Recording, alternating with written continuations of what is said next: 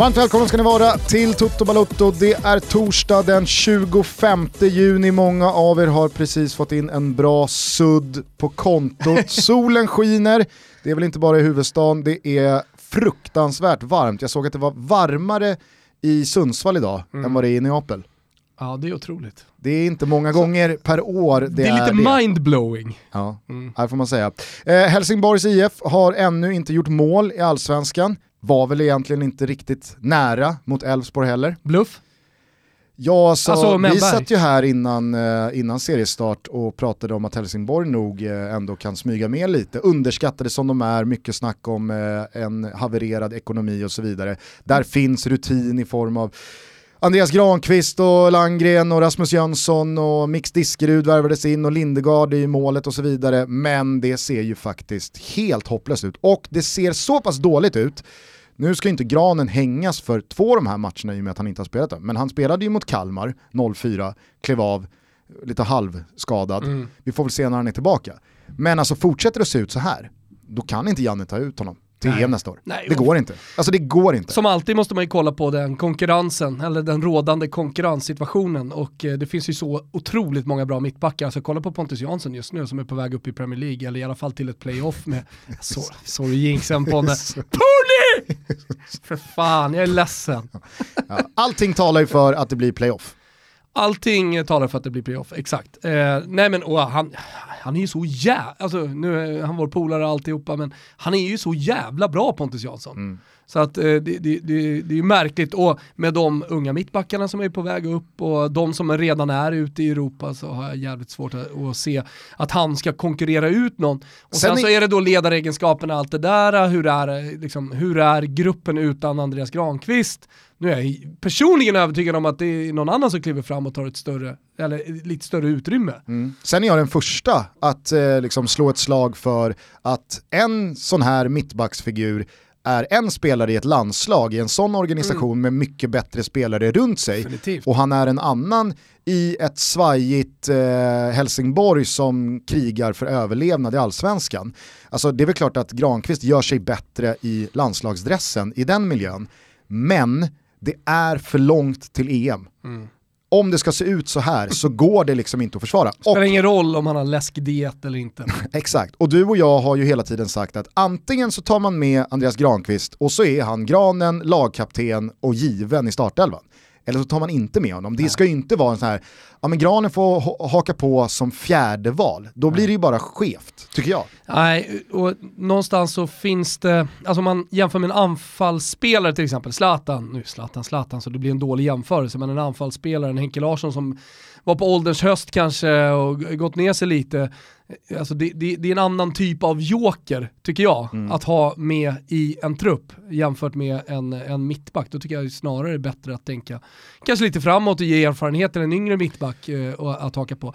Min bluffkommentar, vill bara förtydliga, var på Olof Mellberg och den var lite humoristisk eh, framlagd sådär. Men vad händer? Ja du, alltså när man redan börjar gnälla på spelschemat, hur det är utformat, att det är 24 timmar mer vila på det laget här och det är 24 timmar mindre vila Klassiker på laget där. Klassiker i Italien, om inte annat, att klaga på spelschemat och, och mena på att andra lag då får fördelar. Enda gången jag lyssnar på sånt, det är när en tränare som har vunnit tre raka ja. klagar på att det här är, liksom, det här är fel. Mm. När man gör det efter eh, tredje raka mållösa matchen, man står på en poäng efter tre omgångar, så blir det bara löjligt. Ja, all och, kritik blir ju till gnäll för lag som går dåligt. Exakt, och en sån här säsong, ett sånt här år när det råder en coronapandemi och vi alla vet att det handlade om en vecka mm. typ på marginalen mm. för att ens få ihop en allsvensk säsong som inte minst Helsingborg behöver för att överleva som klubb.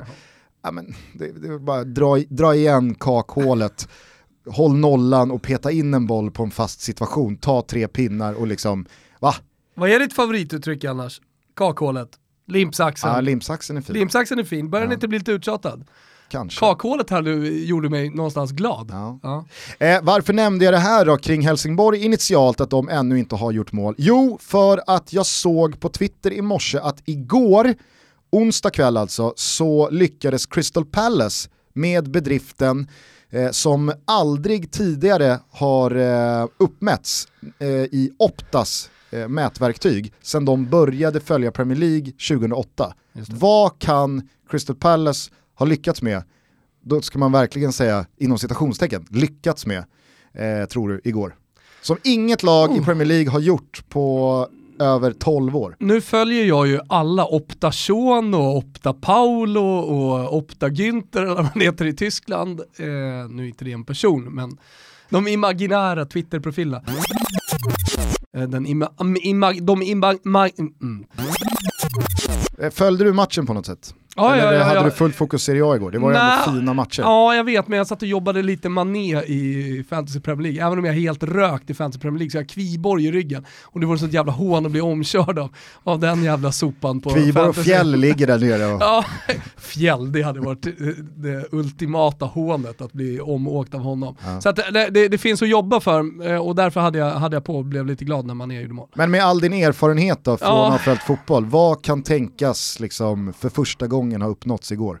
Ja, men jag såg någonstans att eh, eh det gjordes ett sent mål, 23-31, och det har aldrig uppmätts tidigare. Jag vet inte om det kan ha varit något sånt. Ja, det var ju låtsasrekordens låtsasrekord, i år då i alla fall. Det var Gian Alaba som uppmärksammade oss på. Eh, det var Kulusevskis kasse va? Mm. För Parma. Som vi då... slänger oss med Gian Dalaba eh, som att alla ska veta vad det är. Det är alltså Dalkurds presschef, ja. men eh, eh Parma Han ska man ha koll på.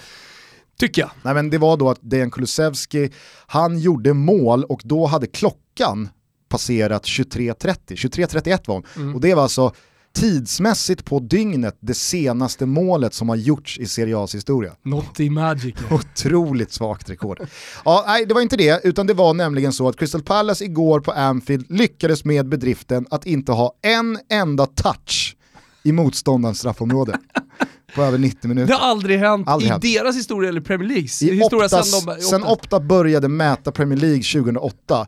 Och det, alltså så här, det är som jag Crystal tar Palace gift, vaskade den Jag matchen. tar gift på att det har inte hänt på liksom lika länge Nej. innan Opta började mäta. För det ska inte gå att på 90 minuter plus tillägg inte ens alltså ha en touch inne i motståndarens straffområde. Nej, det, det är faktiskt otroligt. Jag kollar lite på spelschemat, eh, vi har ju varit inne på det inför Premier League här, och egentligen inför alla stora ligor som har startat, att man kommer vaska vissa match, matcher för att liksom fokusera inför nästa, i och med att det blir så tätt spelschema. Mm. Och det är inte konstigt, alltså, så, så, kommer det bli. Och sen så är inte det kanske uttalat, men man känner att... Nej men det är hockey-VM.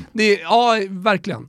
Att, alltså, om, vi, om vi vilar eh, första kedjan här, och kanske råkar släppa in ett par bollar, då får vi Slovakien istället för Kanada. Ja. Oj då. Mm. Och Crystal Palace har hamnat lite i mittenland, de har ju inte jätte, ja, är sjunde platsen en Europa League-plats? Ja, det lär det bli. Det lär det bli, ja. ja då har de ju, men, men då tänker man Liverpool är för svåra. Gör vi, liksom, kämpar vi ner den här matchen till 110 jävla procent så kommer vi inte palla Sörlands match. Och vi kommer förmodligen förlora oavsett, för Liverpool är så jävla mycket bättre än oss. Ja, ja. Så, ja. Nej, men det var ju så Roy Hodgson hade resonerat. Han, eh, ja, han kvistade ju hela centrallinjen och nu fick ju i och för sig Wilfried Zaha gå ut skadad efter 10-12 minuter. Men, men en han, touch borde man mäkta med. Ja, så jag känner mig så här, skäms man inte som både spelare och ledare för ett lag som på över 90 minuter inte ens liksom hade de, hade de ens en gubbe i straffområdet någon gång? De uh, går in i omklädningsrummet och så säger de bara, inget snack, vi glömmer bara det här. Jo men det är en sak om det är liksom, vad fan vet jag, Halifax mot Liverpool i eh, FA-cupen och, och de verkligen så här, okej okay, nu försöker vi hålla nere siffrorna bara, att, att det kvalitativt är så att det inte det går inte att ens närma sig Liverpools straffområde. Men det här är ändå ett lag som alltså befinner sig på övre halvan mm. i samma serie. Med, eh, som jag sa, Europa League-häng. Men jag tror, eller jag är övertygad om att man går in i det omklädningsrummet. Man är inte ledsna, man eh, bryr sig inte speciellt mycket, alltså det är inga känslor överhuvudtaget. Man glider in, Roy Hodgson glider in eh, i omklädningsrummet. How are they lads? Ja, come on, Yep, bus is leaving 30 minutes. Och sen är det liksom bara in i duschen, åka, köra ja, upp med telefonerna och på med lurarna. Ja. Och, och, man bryr sig inte så mycket. Jag är, jag är tämligen övertygad. Det har ju skojats friskt till och från i den här podden under åren om de här låtsasrekorden som inte betyder någonting. Men det här var fan någonting. Alltså det här hade det här ju någonting. Det, ja. det är liksom här pikar en usel insats. Ja, en usel insats i kombination med stor jävla kvalitetsblandning eh, i ja. de här två lagen. Såklart, och Liverpool, alltså här har du motivation också, det är ju det egentligen vi pratar om, men, men motivationen för Liverpool att vinna en titel. De kan ju vinna den ikväll, vet mm. du, om City tappar poäng och de möter Chelsea borta. Ja, det får man ju säga är en tuff uppgift. Och Chelsea har ju sannoliken allt att spela om. Verkligen. Så att, Så att jag äh... tror att det är många krönikörer som sitter med färdiga eh, Liverpool-titelkrönika redan. Sen är väl känslan att Kevin De Bruyne lägger i fyrans växel kanske. ja, och löser det på egen hand menar du. Ja. Spelar Mahrez? Ah, jag har svårt att se, ah, kanske, han är ju dunderform. Mm. Men eh, jag tycker att Kevin De Bruyne har, bara på de här två matcherna, visat att ah, alltså, med, med vänstertassen. Det är ståpitt när han spelar, det är bara att erkänna. Ja, jo, så är det väl. Eh, skulle det bli så att eh, Liverpool eh, vinner eh, Premier League ikväll så lyfter i alla fall Toto Balutto på hatten. Jag mm. tycker att det var ett Liverpool som igår, nu, nu bjöd ju som sagt inte Crystal Palace på speciellt mycket motstånd, men det var ju ett betydligt mer fokuserat Liverpool som ställde bästa laget på banan igår, gjorde det ju riktigt bra också och när mm. de trycker på gasen i botten ja då är det ju såklart svårt att hänga med. Då kanske det är svårt att uppringa en touch i deras box, vad vet jag. Ja. Men jag tycker att Liverpool eh, visade igår att eh, här ska det inte liksom eh, kryssas fram till någon titel, eh, eventuellt torska då borta mot City i nästa omgång, utan nu går vi för det, nu stänger vi det här snabbt och sen kan vi ta lite sommarledigt och, och lufta junisarna. Så att eh, all heder till Liverpool, vill man grotta ner sig och gotta ner sig i fler Liverpool-titelvinster så rekommenderar vi varmt eh, vårt senaste avsnitt av Never Forget. Där minns vi när de vann eh, First Division mm. eh, 1990 med Glenn Hysén och gänget. Ja, framförallt Ronny Rosenthal ja. mindes du när ja. du berättade. Eh, ni som inte har lyssnat på Never Forget, det är små härliga 20 minuters avsnitt. Små nuggets från fotbollshistorien. Fick någon man... arg jäkel efter mig som sa att hela avsnittet förstördes för att jag sa Kenny Daglish, ja. inte Kenny Dalglish. Eller vad, vad, vad, vad vill Kenny han ha? Daglish. Kenny Daglish. Ja. Kenny Daglish. Alltså, Daglish. Jag tror de flesta säger Kenny Daglish. Alltså, har man inte hört många olika varianter? Jag, jag, var inne på att det var ditt skirtel, att du skulle vara lite brittisk. Kenny Daglish. Ja, och det, Kenny Dag, jag reagerade och, faktiskt själv när jag lyssnade på avsnittet. Och så mer eh, den legendariska Dag. Ja, men om, jag, om jag då får vara liksom Bengt Skött och Husfeldt-gänget, ja, ja. då är väl det då rätt, eller? Alltså så här, för de som inte har rattat in på Spotify, eftersom podden ligger där exklusivt, mm. så kan vi ge en liten nugget här från Kim. Eh, en nugget på nuggets-avsnittet. Eh, sorry att jag återupprepar det. Men eh, bara en liten, liten snutt när du då eh, säger Kenny Daglish. Anförda av Liverpool-legenden King Kenny Daglish Vet du vad jag känner nu? Nej. Jag kommer fortsätta på mitt inslagna spår. Folk förstår vem jag menar. Jag säger Kenny Daglish, precis som jag säger Martin Skertel. Kenny Dagsedel. Låter ja. som någon från, eh, från Åshöjden. Hörni, ni är många som, eh, hör och häpna, har upptäckt eh, Toto Balutto senaste tiden. Vi trodde ju att vi hade rökt ut varenda jävla fotbollsintresserad person i det här landet för ett halvår sedan, år sedan. Men statistiken talar sitt tydliga språk, det är många som har hakat på här. Vi instruerade ju er senast att på måndagar så fyller vi eh, inledningen med ett svep, ibland är det jag och då är det eh, väldigt mycket svensk fotboll också. Tompa exkluderar den svenska fotbollen och så kan vi liksom toucha den mm. senare i avsnittet. Kanske många sitter och tänker så här, ja men det har ju spelats en hel del fotboll här nu i veckan. Torsdagstutto eller fredagstutto, mm. ibland blir det inte svep. För att eh, det, det, det blir så utdraget över fler dagar. Ah, då är det bättre att slå ner på det man har fastnat för i den fotboll som har spelats. Det kan ju vara Europaspel vanligtvis, tisdag, onsdag, torsdag med Champions League och Europa League och sådär. Men nu rullar ju ligorna igång och som det spelas fotboll, vad tar du med dig från veckan? Du drog en rejäl lans för Dejan Kulusevskis pannben i en WhatsApp-tråd här för två dagar sedan. Just det, eh, nej, men jag tycker att det är faktiskt otroligt hur han kan svara upp på tränaren Daversa då, som tränar Parma eh, och eh, som var ute och sving äh, svingade, han var ute och kritiserade honom lite och säger att eh, han får nog steppa upp här nu om han, eh, om han ska göra Juventus glada. För att eh, den eh, Dejan Kulusevski som de köpte, han spelar inte i mitt lag just nu, alltså mer eller mindre så. Eh, och det kan ju knäcka en grabb kan man tycka. Men inte en grabb från västerort Gusten. Vällingby, ja. om jag får be. Ja, men det är ju västerort va? Ja, absolut. Ja. Men, ja, du vill vara specifik i och med att du påstår att du är från Vällingby, fast du är från Spånga. Ja men det är jag ju inte. du är en Spånga-grabb. Nej, jag, jag, är från Vällingby. Väldigt, väldigt, väldigt eh, liksom, närvarande i Spånga under uppvuxen i och med att det var där jag spelade fotboll. Eh, eh, Fortsätt, från, ja, nej, för all del. Ja, för all del. Eh, du kan ju svara på olika sätt. Kan ju bli lite knäckt av det där, det är ändå trots allt eh, din tränare. Men eh, Dejan Kulusevski svarar alltså med att göra en sån jävla match. Jag tror inte att alla såg den i och med att det spelas så mycket fotboll och eh, man kanske glömmer bort eh, Parma. Mm. Och att Dejan Kulusevski inte är så rolig att följa. Men alltså för mig så är han den största talangen vi har. Alexander Isak är fantastisk, det finns jättemånga eh, jättebra spelare. Jag tycker till exempel att Svanberg gjorde en jättebra match här senast också, spelade 60 minuter under Mihailovic, eh, hade många fina aktioner. Eh, men alltså Dejan Kulusevski är på, på en annan nivå just nu, han har kommit längst. Sen kan det vara så att Alexander Isak går om till exempel och blir den som om 15 år summeras som liksom den största av de två. Nu är det ingen tävling, men Dejan Kulusevski har definitivt kommit längst. Han är mest etablerad i en stor liga. Är det inte också så att i och med att Alexander Isak faktiskt har varit närvarande i ens eh, liksom follow av fotbollen så länge nu, mm. så känns han betydligt äldre. Det känns liksom inte på samma sätt som kring Kulusevski att prata om Alexander Isak som en talang. Nej. Han är bofast i landslaget, han spelar i La Liga, han har redan varit i tre olika klubbar. Alltså, Dejan Kulusevski, om vi ska vara ärliga, backa bandet ett år. Ja, det räcker så, ett år. Ja. ja. så var ju det en väldigt, väldigt obskyr eh, referens att spela ut vad gäller svenska talanger ute i fotbollseuropa. Men det, det som är med Dejan Kulusevski... Du förstår han, vad jag menar? Ja, ja, är, det, jag säger inte att Dejan Kulusevski är, är en, en nyhetens behag, jag mm. menar bara att det kanske är rimligt att prata om Kulusevski, även fast det bara diffar ett år mellan dem, att Dejan Kulusevski är i ens huvud mer av en liksom,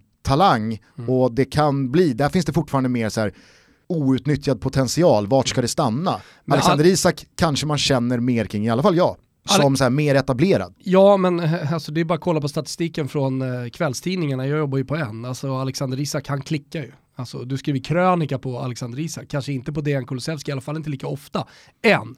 För eh, att folk har känslomässiga band till Alexander Isak. Dels kommer han från en storklubb i Sverige, där han kom fram. Och där finns det rivaler, det har funnits diskussioner om, äh, när han gick till Dortmund till exempel, då pratade alla om var det rätt, var det för stort steg, skulle han gå till Barcelona, Eh, vad hände sen? Ja, så hamnade han i, i Holland och då, då blev det ju väldigt mycket från rivaliserande klubbar till AIK, alltså supportrar, eh, som menade på liksom att fan, det kanske inte var så stor talang ändå. Och så började man liksom kivas lite kring det. Eh, och sen så liksom slog han ner i Holland och sen eh, i Real Sociedad. Han är anfallare, nummer nio som gör mycket mål.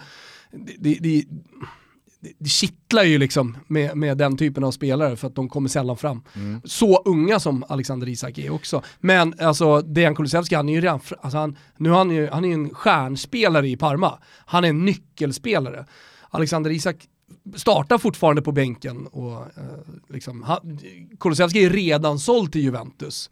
Eh, det är rykten kring Alexander Isak var han ska hamna och det, det pratas om storklubbar. Men, men äh, fan, jag var så jävla imponerad av honom, sen gillar jag honom.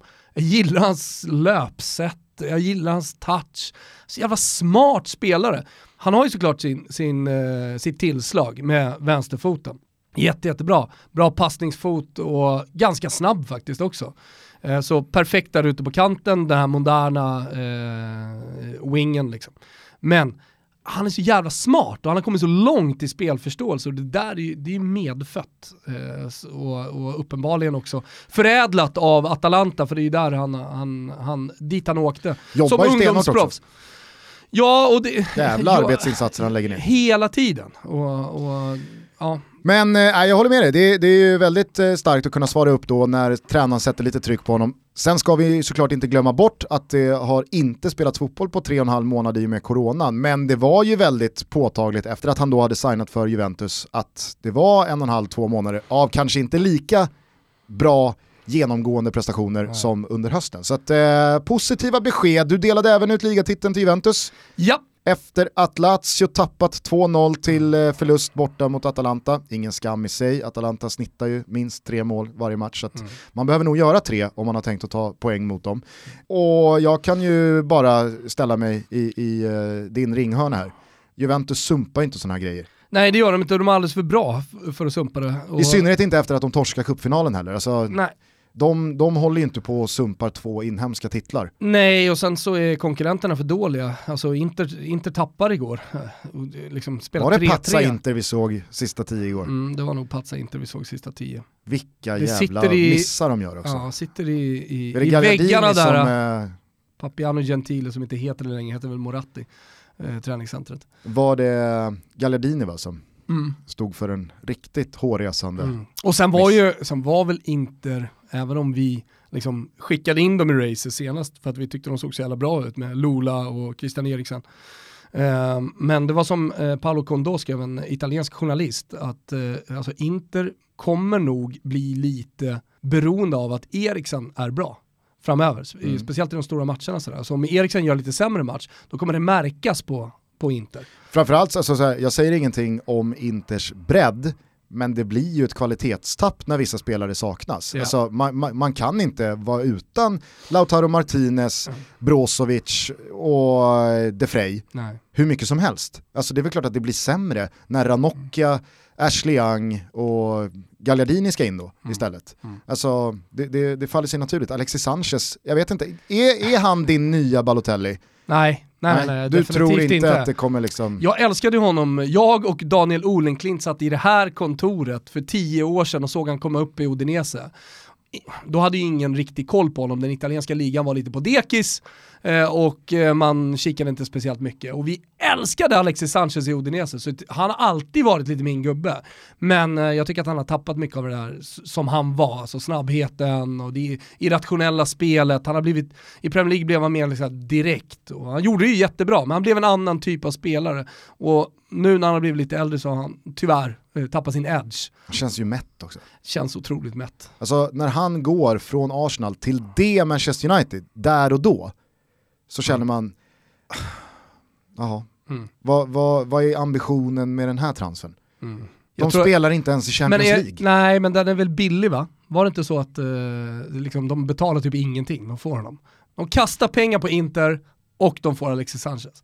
Jag får mig att det var någon, eh, någon så lönedeal, att typ Manchester United betalar alltihopa. Ja, ja, absolut. Ja. Men jag pratar om övergången från Arsenal till ja, Manchester United. Ja, det, det, det. För jag fattar att man ville lämna Arsenal. Men, du, men, men när man då, därifrån går till Manchester United, som där och då har haft det hopplöst, förtvivlat svårt att ens kunna liksom nå en topp 4-placering. Ja, Arsenal kanske såg någonting. De var smarta där, han fick ett ja, ja, ja, men, ja, Absolut, och jag tror att de pengarna Manchester United erbjöd, mm ingen klubb i världen Pepsi, var ju ens nära att erbjuda 60% av det. Så då, och, och hej, det är inga fel med det, att i Alexis Sanchez läge då, nej. cash out, han tillhör ändå Manchester United, han kommer att spela Premier League. Det är inte Kina cash out. Nej nej, men det var en... Det var en... Alltså, Manchester United, DAS-gänget. Liksom. Låter som att du pratar om... Eh, Nej men ur ett sportsligt perspektiv så signalerar ju den transfern från Alexis Sanchez håll, jag är ganska trött. jag är ganska klar med det här. Ja, jo det gör den. Ja, okay då. Det gör den. Ja. Och det insåg Manchester United här, också, som släppte honom på lån. Jag måste ändå säga det, för det ska jag vara ärlig med. Att, och det har, det har jag sagt i liksom privata sammanhang, kanske inte i podden. Eller så har jag gjort det, vem vet. Men jag hade inte blivit förvånad om man hade blivit gamla Alexis Sanchez under Antonio Conte. Nej, fast samtidigt... Inte gamla gamla, men jag menar bra. Men ändå. man behöver ju också missa på ett par för att det ska bli jätterätt. Antonio Conte är ju inte, alltså, det, är inte rys, det är inte ryska eh, läkarteamets överhuvud. Han kan fan få snurr på alla. Men alla, här, men alla om, kan inte bli, alla kan inte bli liksom Lukaku. Om de hade haft en svagare trupp, och han hade varit tvungen att satsa på Alexis Sanchez, då hade han fan fått igång honom. Men då får bara vara 11 spelare på planen. Ja, jag vet inte. Och det krävs match för att få igång en spelare. Jag börjar här nu känna att fan om inte jag ska börja gnugga liksom mot att Conte får igång gam, gam, gamla stötar okay. och, och ja, evig talang. Gnugg, gnugga det och sen så vill jag att du ska fundera på en sak. Lautaro Martinez, är han the shit? Är han Barcelona? Vinner han titlar? Vinner han, avgör han Champions League-matcher? Är han verkligen så bra? Mm. Jag tycker ändå att det är lite lurigt. Jag älskar honom, för han är det här, ja, men det här riviga sydamerikanska liksom bomber, lilla bomber-stuket liksom på honom. Men jag tycker ändå det är en rimlig fråga. Ja, du är nej. inte 100% säker. Nej, absolut inte. Och det kan man det väl kan man, det, det kan man aldrig vara. Du, du förstår vad jag menar. Mm. Så hur säker är du då? På, alltså, om, du, om du använder av den dans italienska etisk-moraliska skalan. Nej men hur säker är du? Eh, jag skulle säga att jag är eh, 7,0 på en 10-gradig skala. Att Lautaro Martinez hade gjort det så pass bra över tre år i Barcelona att han eh, hade liksom verkligen bidragit mm. till både ligatitel och en Champions League-titel. Okay. Och så hade han väl gjort Benzema-siffror, 25 mål, okay. typ. Jag vet inte, det, det är min känsla. Mm. På tal om, på tal om Barcelona, jag satt och kollade på Barcelona mot Bilbao i förrgår och fick med en liten ny favorit. Okej. Okay. Vem tror du det kan vara? Va? Det är inte många gånger man, man ser en spelare i ett sånt lag komma in och bara säga Hallå, vad fan är det här? Nej, men du, jag såg att du twittrade om... Vad är det för guldgubbe? Ja, mittfältaren där som har spelat Barcelona B kommer från egna led, vad är han heter ens? Ricky Bruch. ja men det är helt sjukt. Han stavar då alltså P-U-I-G. Ja, Push. Eftersom, så, här, och så är det så katalanskt. Exakt, han är, han är inte bara spanjor, han är dessutom katalan. Puig? P-U-I-G. Ser man det bara textmässigt, helvete vad osäker man blir på ja. hur det uttalas. Hur skötte kommentatorn det? Ja men jag går ju på Pintorp, ja. för Pintorp då kör ju då, ja det är Ricky Push. Så att, han heter säkert det. Alltså Pintorp är ju ett proffs. Det är väl klart att han, och han sitter ju dessutom med Marcello bredvid sig som pratar flytande spanska. Ja, ja, ja, jo men det är katalanska här, alltså lurar till det va? Ja, ja men så att det var ju liksom en ruskig impact på Ricky Push. Man kan ju göra det lätt för sig för han kallas ju bara för Ricky. Ja, ja. Jo, jo, han gör det. Okej, okay, han heter ja, i alla fall. Ricardo... Nej, Rickard eh, Marti... Ricard Push. Eh, pu, eh. Så här står det, Pronunci Catalan pronunciation. Ricard Ruk, ruskigt, me, ruskigt meta Puch. hur dåligt du uttalar ordet pronunciation. pronunciation. Ja. ja. det var metakul ja, men, att du inte Luka, kunde uttala just det är, ordet. Ja men här är faktiskt Wikipedia bra. Eh, då har de skrivit då, eh, katalanskt eh, pr pronunciering. pronunciation. pronunciation är Ricard Puch. Ah, okay. Puch. Ah. Eh, men jag tänker att det är ändå spanskt U, det blir inte Puch, utan det blir Puch. Så eh, Ricard Puch. Pintorp körde i alla fall Ricky Push, dubbelnamnet hela tiden, vilket var jättekul i och med då liksom den svenska ikonen Ricky Bruch. Så att det, han är, det är väldigt enkelt att komma ihåg. Då. Undrar om han kommer jobba hårt då, eh, smeknamnet Ricky som han har då, enligt Wikipedia. Samtidigt har alltså inte, att det kommer på tröjan har... för, för, att, för att det blir problem för folk att uttala Puch. Fast är det Ricky Push så är det... Det finns ju jättemycket att jobba med då, liksom ordet push mm. som P-U-S-H, engelskans push. Fö född samma dag som Thomas Ravelli, ser Fast några år senare. Ja, ja. ja. men eh, 13 augusti. Ja. Varför vet jag det? För att han fyller år dagen innan dig. Exakt. Och så har du i ungdomens dagar kollat upp, yes. är det någon av värde som fyller år på min födelsedag? Panini-albumen. Tyvärr inte, Ravelli är närmst. Jag har exakt samma sak fast med Claudio Lopez. Ingen fyller 19. Exakt så här Gustav. Ingen fyller den 19, så 18 då. Claudio Lopez, funkar. Men då Ricky Push hoppar ju in i den här matchen, får en dryg halvtimme hemma mot Bilbao. Och satan vad bra han var. En riktig nummer sex va? Nej, jag skulle snarare ha honom längre fram i banan. Åtta. Alltså, typ en han var som en korsning ja, mellan Iniesta och Xavi. Okay. Och du vet, han tog tag i bollen och det var liksom, ge mig den. Sa han till Vidal och eh, Messi och Griezmann och liksom, här, jag ska ha den här. Aha. Och det var kombinationsspel och när han inte fick tillbaks den så var det liksom, det var typ onda ögat till eh, hotshot-killarna och liksom, jag är Ricky Push.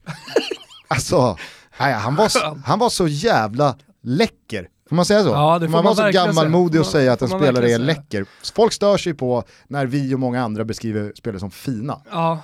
Då, då Men läcker då? Det får vara nya fina. läckra, läckra eh, Ricky Bruch. läckra Ricky Push ja. alltså. Magiskt läckra Ricky Push. Eh, dock ett par år äldre än Mallorcas Luca Romero, mm. som jag såg igår kastades in borta mot Real Madrid, fick göra La Liga-debut 15 år gammal. Va? Det, Det är kaxigt gjort. Ja det är ruskigt kaxigt. Det är något annat än liksom Roy Hodgsons tap-out på han Anfield där han bara ger upp. Här ser ju ändå Mallorca-tränaren att så här, jaha vad kan jag göra en sån här match? Jag ger 15-åriga Luca Romero sin La Liga-debut mot Sergio Ramos och Eden Hazard och gänget. Coolt! Ja, jävligt coolt. Inte lika läcker dock. Nej. som Ricky Push. Nej. Men han är ju bara 15 bast, det ska sägas. Eh, det lever ju i allra högsta grad, både Real Madrid och eh, Barcelona segrade. Real Sociedad däremot, det är över där. Ja, det är tyvärr det. Det är sån, det är inte ens en pyspunka. Nej, utan det, är, det, är, det, är, det är däcksmällning. Exakt. Det är, däckexplosion heter det. är inte den här punkteringen när man till slut börjar höra det här liksom... Fan, har jag, har jag punka? Ja. Utan här är det, wow, shit, mm. där small det. Mm. Alltså de ser så håglösa ut och Ödegård byts ut efter 55 minuter och Alexander Isak är klappkass och William José är typ lika dålig. Ja. Och Porto försöker liksom så här, springer igång grabbarna. Mm.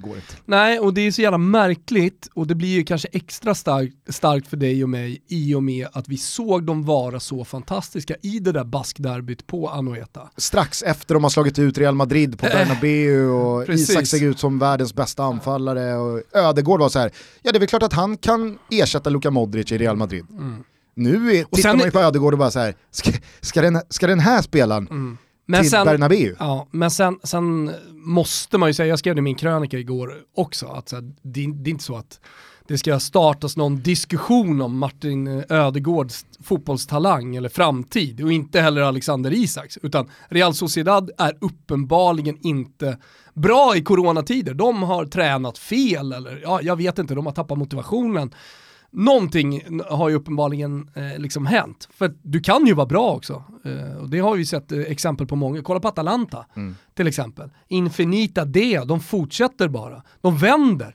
De har så jävla mycket energi. De vinner den där jävla matchen mot Lazio till slut. Ja, det är ja. helt sjukt ju! Ja, det, finns ju det finns ju energi där... över till försäljning i hela Europa. Ja. Ilicic har väl inte ens startat än? Ex släng in någon, Muriel sitter där släng också. in någon lirare som man aldrig hört talas om så blir det bra. Mm.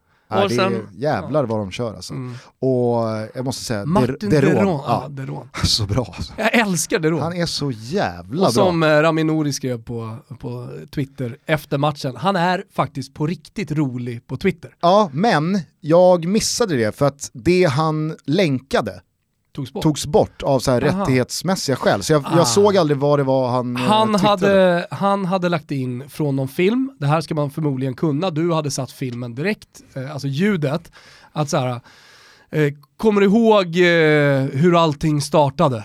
Mm -hmm. liksom, allting startade, så här såg jag ut när allting startade, liksom, att det skulle gå åt helvete. -huh. Och, och då lägger jag liksom ansiktsuttrycket i början. Så det var så här det började, när allt gick åt helvete för mig. Så är filmrösten. Och så har han bara ansiktsuttrycket efter att han har smält in självmålet i krysset. Nu pratar vi om det här, det här målet som att alla känner till det. Alla känner inte till det. Martin Deron drar upp bollen i eget vänsterkryss. Pang på rödbetan med vristen, han ska försöka rensa bollen. Eh, det är det som händer. Och sen så i den här tweeten då så ser man att han har tappat allt, ansiktet är helt blekt typ. Och så kör han den här filmlinen då. Och det var lite roligt, och som är eftertexter också från den här, den här filmen. Fan vad det är många lyssnare här nu som sitter och, och vet vilken film du menar. Ja, ja. Men jag tycker att du förklarar, så, alltså, ingenting att gå på. jag, jag, fattar inte vad du menar. Nej. Skitsamma, eh, vill man se Martin Deron och Atalanta fortsätta bomba in mål eller eh, se Dejan Kulusevski vara tillbaka i gammalt gott slag eller för den delen följa läckra Ricky Push i Barcelona, vad gör man då? Då kollar man på Simor. Om man inte har Simor så skaffar man ett abonnemang. Mm. Och jag tycker att det är hög tid att skaffa ett abonnemang för Simors kanaler. Då kan man nämligen se Svenska Kuppen kvartsfinalerna som rullar igång ikväll torsdag. Malmö-AIK möter varandra i kuppen ikväll och sen i allsvenskan på söndag. Bayern mot Blåvitt också. Mm. Ja, det blir ju ett riktigt intressant eh, kvartsfinalmöte. För då, då känns det som att inte bara åker man ur kuppen utan man gör det i ett läge också när man har haft en Visst, alltså Hammarby fyra poäng på tre ja, men det är lugnt liksom, det är, inga, det, det, är ingen... det är ingen katastrof. Ja, men de var ju uppsnackade, så var men, det ju. Men insatsen mot AIK tror jag sitter i många spelares och ledares och supportrars huvud. Skulle man på det åka ur kuppen mot en rival som IFK Göteborg, alltså då är, det ju, då är det ju ett par inledande veckor av den här tävlingssäsongen som inte är... Det är ingen massiv jordbävning, men Nej, det är det... klart att eh, det kommer skaka i bayern podden alltså. Ja, och de rimmar ju inte med förväntningarna alla även utanför Hammarbyled hade på Bayern. Det är och inte så att Bayern Jompa springer ner och kräver Billborns avgång, men det börjar, det börjar i alla fall gnissla rejält tror jag. Eh, och för Blåvitts del så är det ju liksom, alltså att man, att man lämnar Påskbergsvallen med tre poäng, är ju, det är lite flax. Om Bayern Jompa springer ner och kräver Billborns avgång, sätt då för fan en kamera på honom. Mm. Mm. Det vore kul att se faktiskt. Eh, men eh, pinnen mot eh, Mjällby bärgas i 92 när Sargon Abraham krigar in den, så att jag menar det är ett Blåvitt som också har långt kvar till några infriade förväntningar på vad man kunde vänta sig från, från eh, Änglarna. Mm. Bjärsmyr förvisso in, men jag tycker att det, det, har, det har hackat så pass betänkligt att det, det är mer ångestpuck blåvitt bajen det är det. än vad det är AIK Malmö, Nej. där det ändå känns som att visst, det, det, det, har, inte, det har inte rasat i nio pinnar och det har varit klang och jubel, men där finns det ju ändå lite mer mm. Nej, men, och Dessutom så tycker jag att eh, Rickard Norling har gjort det jävligt bra eh, i sina intervjuer inför Allsvenskan. Jag gjorde en intervju med honom i Studio Allsvenskan till exempel, där, där han drog ner förväntningarna väldigt mycket. Eh, I och med att det var nytt spelsätt och allt sånt. Och att AIK har köpt det. Så även om man skulle halka efter lite, säg att man skulle torska båda de här matcherna, eh, så, så kollar man snarare på hur har spelet varit än resultatet så som det alltid har varit för AIK. Fan, vi ska vinna SM-guld, vi ska, vi ska vinna kuppen och sådär. Det är klart det kommer vara besvikelse, men är prestationerna fortfarande bra, men resultatet inte kommer med, då, då, tror jag att det finns ganska gott om tålamod i AIK-led. Jag upplever det i alla fall som det. Eh, just för att det är väldigt mycket nytt och att han spelar så många unga spelare. Alltså helt fantastiskt alltså, nu, nu är jag AIK så jag kan prata för AIK, men, men det, det gäller väl alla. Att se ett lag kliva in i ett derby med halva U19-truppen.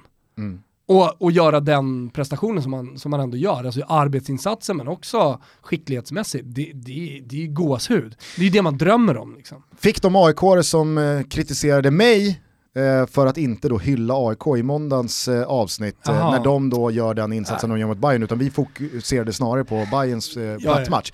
Men alltså de, de, har ju bestämt sig för att jag är djurgårdare. Mm. Fråga djurgårdarna mm. om de tror att... Har de bestämt sig för att du är djurgårdare? Ja det var någon som hade svarat, jo men han är ju för fan gårdare så vad fan kan man förvänta sig?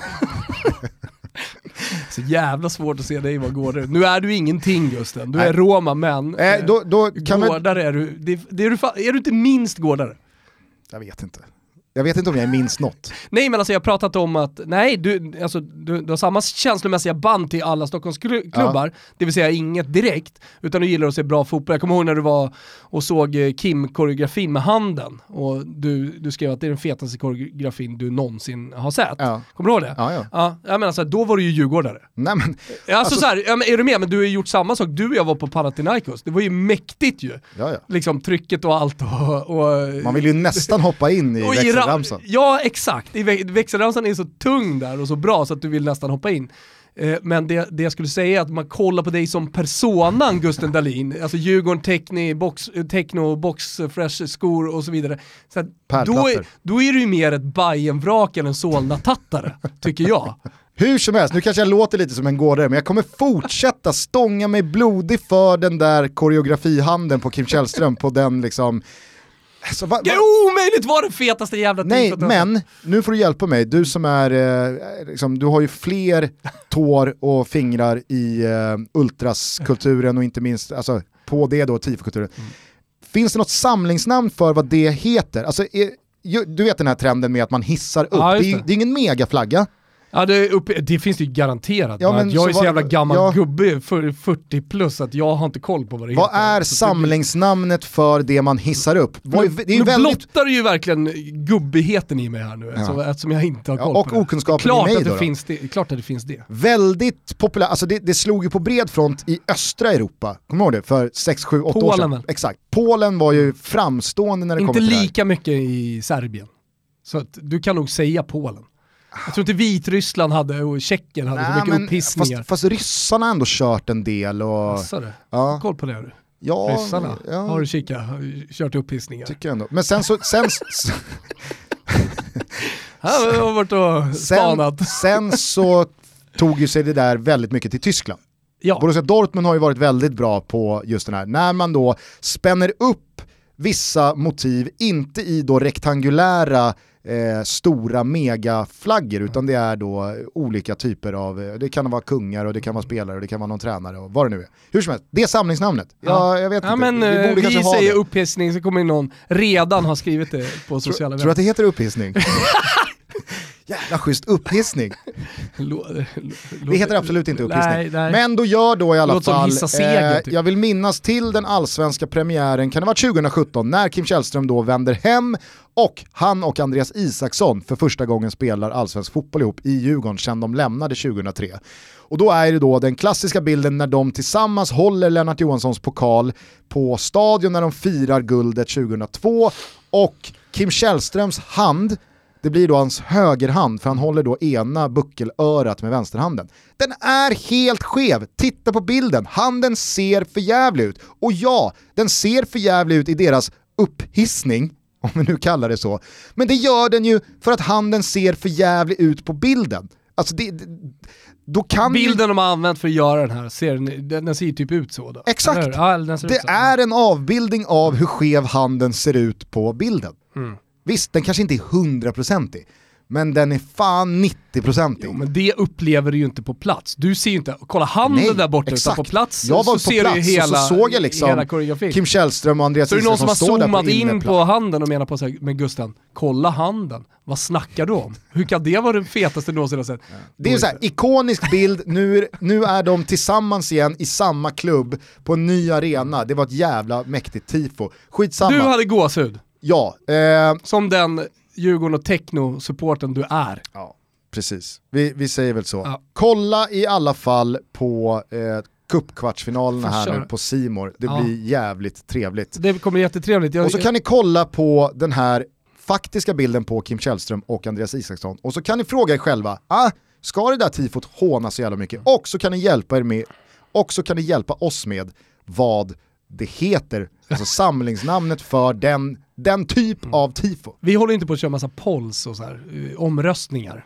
på, på Twitter, men jag ska fan göra en omröstning efter det här avsnittet när det kommer ut. Ja. Om vad du är mest, Solna-tattare, Bajenvrak eller Djurgården och Techno, så får folk rösta. Okej, okay, jag trodde du skulle göra en poll som var då originalbilden, alltså din, jag, pratar om, jag pratar om din aura, tifobilden ja, och sen den också, inzoomade handen. Det Ska det här ha skit, eller har jag hakat ska på? Ska vi dra igång den trötta diskussionen igen? Men jag ska i alla fall göra den, och, och, då pratar jag såklart om din aura. Vad har du för aura? Hur tänker folk? Okej, okay. ja mm. visst, kör på det. Är det någonting annat eh, från eh, veckan som gått eh, och all fotboll som spelats som du vill prata om? Eller ska jag bara snabbt få köra en liten rant mot hans regeln? Nu vart jag sugen på det så att, kör du. Du såg eh, Roma är det, dags, igår. är det verkligen dags igen? Ja, det är dags igen. Okej. Okay. Fan är det för låt? Nu blir jag, är det dags, är det dags, är det dags igen? När du kommer, nu glömmer ni fan är det för låt? Skitsamma. Eh, igår så var ju Roma tillbaka inne i elden fan vad jag kände igår, det många supportrar måste ha känt hittills. Mm. Eh, att det är någonting annat när man ser sitt lag mm. på sin arena inför tomma läktare. Vad mycket mer påtagligt deppigt det blir då, än när man som jag sitter och kollar Wolves eller mm. Barca Bilbao. Ja då skiter man lite i ja, det. Men då, då ja, vad det är liksom. Publikljud, gud vad härligt. Men det blir jättemycket mer påtagligt. Hur som helst, det som händer igår då, det är att eh, Roma i ett anfall får in bollen i boxen. Redan där är man bättre än Crystal Palace. Mm. Eh, en Sampdoria-försvarare alltså drar en rensning på halvvolley en meter ifrån Carlos Perez. Ja. Som har armen längs kroppen som han vinklar bara upp liksom för att typ skydda revbenen, för mm. annars, annars är det flisor mm. av dem. Bollen tar då... Det är en, eh, det är en reaktion bara. Ja. Bollen tar från Ögonblick. en meter stenhård halvvolley på Carlos Perez överkropp. Den nuddar säkert lite biceps eller eh, armveck, vad det nu är. Bollen går ut från straffområdet och där kommer Veretout, möter med en så jävla avvägd och fin halvvolley bredsida som han bara smeker in i bortre krysset. Alltså det är sånt vackert utfört tekniskt fotbollsmål. Och det är 1-1 och det är liksom kanonskönt. Kvitteringen kom eh, i tid, nu, kan man liksom, nu, nu, håller, nu ska det inte behöva bli någon stress här i andra halvlek. Och så får då domar Calvarese i örat. App, app, app. Får nog kika på den här. Så han springer ut, Kristoffer Svanemar är kommentator och säger, ah, alltså okej, okay, att de ens tittar på det här. Det enda sättet Carlos, alltså Carlos Perez inte kan få bollen på sin arm där, som är så mycket längs kroppen den kan vara, det är om Carlos Perez amputerar sin arm. Det är det, det, är det enda sättet att undvika det. Och det är liksom så här, det är ingen vinning han gör på att få bollen på armen där, överhuvudtaget. Men Calvarese, han behöver bara titta i två sekunder. Han springer ut, nej nej nej, nej, för fan. Det Problemet är konsekvensen i, i hur de tillämpar hans regeln, de olika domarna. För den, hans regel alltså är samma i hela världen. Ja, jag vet inte hur det är i Indien.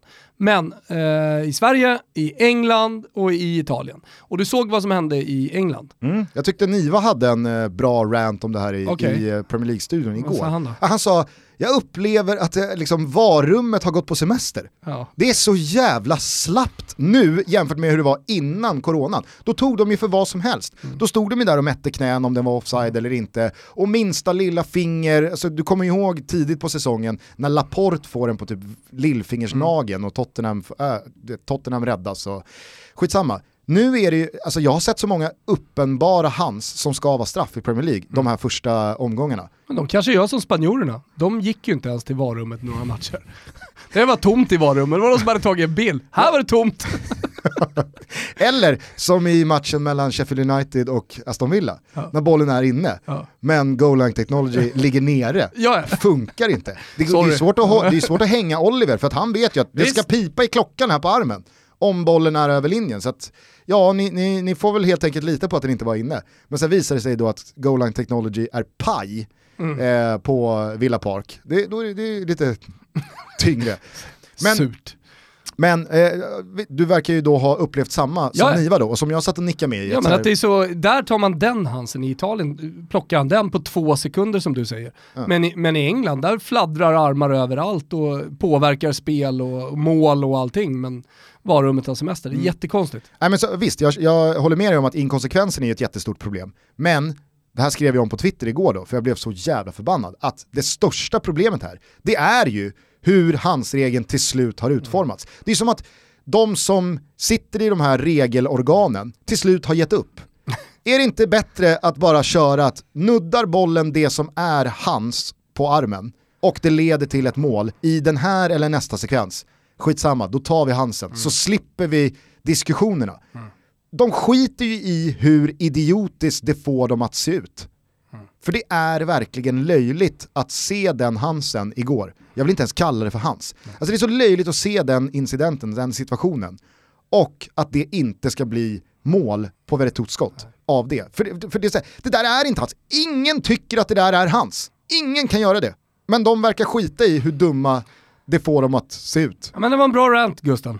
Pensionerar vi Hansen lite och, och lever med domarna. Ja, det kommer man ju aldrig kunna göra för att man kommer bli förbannad. Gulasch då till liksom handsregelns... Definitivt. Alltså hur, hur, hur, hur hamnade vi här? Så här, lyssna nu. Gulasch till handsregeln, ja. hur fan hamnade vi här? Schnitzel till Djurgårdarnas Kim Källström-hand. Okej? Okay? Ja. Bra. Efter många år får de den slut. Hans Toto. Bra så då, hörni, jag tycker att vi eh, stänger ner det här eh, torsdagstuttot. Vi vrider av en läskande iskall Pepsi Lime. Grejen är så att man kan inte alltid ha is med sig. Man kan inte alltid ha en lime med sig. Ibland är man ute och springer på stan. Ibland sitter vi i vår studio, vi har ingen is här. Då öppnar man en Pepsi Lime. Det är liksom, det är second best. Det är så jävla bra. För då får man liksom kör... den här, eh, vad, vad, menar du då? Då får man smaken av sommaren ändå? Då får du smaken av sommaren, du får smaken av en sommar-Pepsi ändå. Så jag kör en Pepsi Max Lime, vrider upp den och häller ner den i strupen. Ja, gör det. Det är så gott. Eh, jag skulle bara innan vi stänger ner butiken vilja puffa för våran Tutto-trippel på lördag. Ja! Nu ska den hem. Ja men alltså, nu ska den hem. Och jag har hittat Lazio och Fiorentina. Såg du Fio sist eller? Det är sinnessjukt. De har så mycket Prioritera chanser. bort den faktiskt. Så stor, de har, de har, klart du gjorde. De har, alltså, de har, de har två eh, mål bortdömda. Korrekt! men det är millimeter. Ena gången är bollen över linjen för Chiesa med en millimeter. Okej, okay, korrekt, man kan inte göra så mycket, man blir ändå irriterad. Andra gången är det millimeter offside. Det är det här mäta knä, knän och alltihopa. Eh, och sen på det så skapar man så sjukt mycket chanser. Och sen är man svajiga bakåt. Så, så här, bräschen, de har ingenting. Men man vet att de kommer få en jävla målchans i 90 minuter och kan vinna den här matchen. Eh, och så Lazio då, eh, som är arga, vill komma tillbaka, revansch, mot det här svängiga Fiorentina med Ribéry tillbaka och som inte tar ett jävla hemla på en hel match, men ska ändå spela och, och så vidare. Så här, det, det, det, det, blir över 2,5, ni hör ju vart analysen är på väg. Över 2,5 Lazio Fio. Immobile jagar ju skytteligatiteln här nu också. Ja, ja, ja. Han vet ju att ligan han är körd. Han jagar 30, men han jagar någonting mer också. Han jagar Golden Boot. Ja. Och det, det är stort. Framförallt så jagas han av Ronaldo. Mm. Så att han kan inte hålla på att stanna av här nu Nej. och tro att det ska sluta i en skytteligatitel. Det blir mål i den här matchen. Över 2,5 mål i matchen mellan Lazio och Fiorentina. Vi går på ett vinnande spår. Wolves tar ännu en rak seger på Villa Park mot ett hopplöst svagt Aston Villa. Mm. Herregud så dåliga de ser ut. Ja och Wolves har ju uppenbarligen gjort saker och ting rätt under eh, coronauppehållet. Ja. Det har vi ju sett. Eh, Adama Traoré har eh, inte Nej. nötts ut eh, allt för mycket i omstarten här. Jiménez gör mål på allt, eh, det är stabilt bakåt. Eh, Moutinho ser sugen ut, Diego Jota vill säkert också vara med i leken. Aston Villa har ingenting att sätta emot. Wolves bara vinner. Och sen så tror vi att Norrköping fortsätter på inslagen väg, kanske inte vinner, men de gör i alla fall två mål borta mot Östersund. Så är det. Hur ska de inte göra det? Hur ska de inte göra det? Nej, det här är Toto-trippen för helgen, alla matcher på lördag, ni hittar den under godbitar och boostade odds. Ordinarie odds är drygt 4,80 men våra vänner på Betsson har boostat upp oddset till 5,50. Mycket, mycket generöst. Rygga med 148 kronor, hashtagga in ryggen i hashtag Toto-trippen så jobbar vi in lite deg tillsammans på lördag. Mm. Tänk på att man måste vara 18 år fyllda för att få rygga den här trippen och upplever man att man själv eller någon i sin närhet har problem med spel så finns stödlinjen.se öppen dygnet runt. Jajamensan, hörru nu går vi och käkar en vongole-pasta på restaurang Adria som ligger precis i närheten av vårt kontor. Det gör vi och vi gör det tillsammans med Top Dog Olof som Aj. är hemma från eh, Deutschland. Ja, från Deutschland. Topdog Olof, eh, han är alltså eh, personen som rattar nakata.se där vi tillsammans gör jävligt fina fotbolls-t-shirts, fotbollströjor och vi tar fram små kollektioner. Eh, nu har vi en geni-special på gång mm. med Totti, Ronaldinho, bland annat och ett par gubbar till. Jag skulle inte säga fina dock. Vet du vad jag skulle säga? Nej. Läckra. Hörni, kika in den läckre Top Dog. Vicky Push. Ciao tutti! Ciao tutti!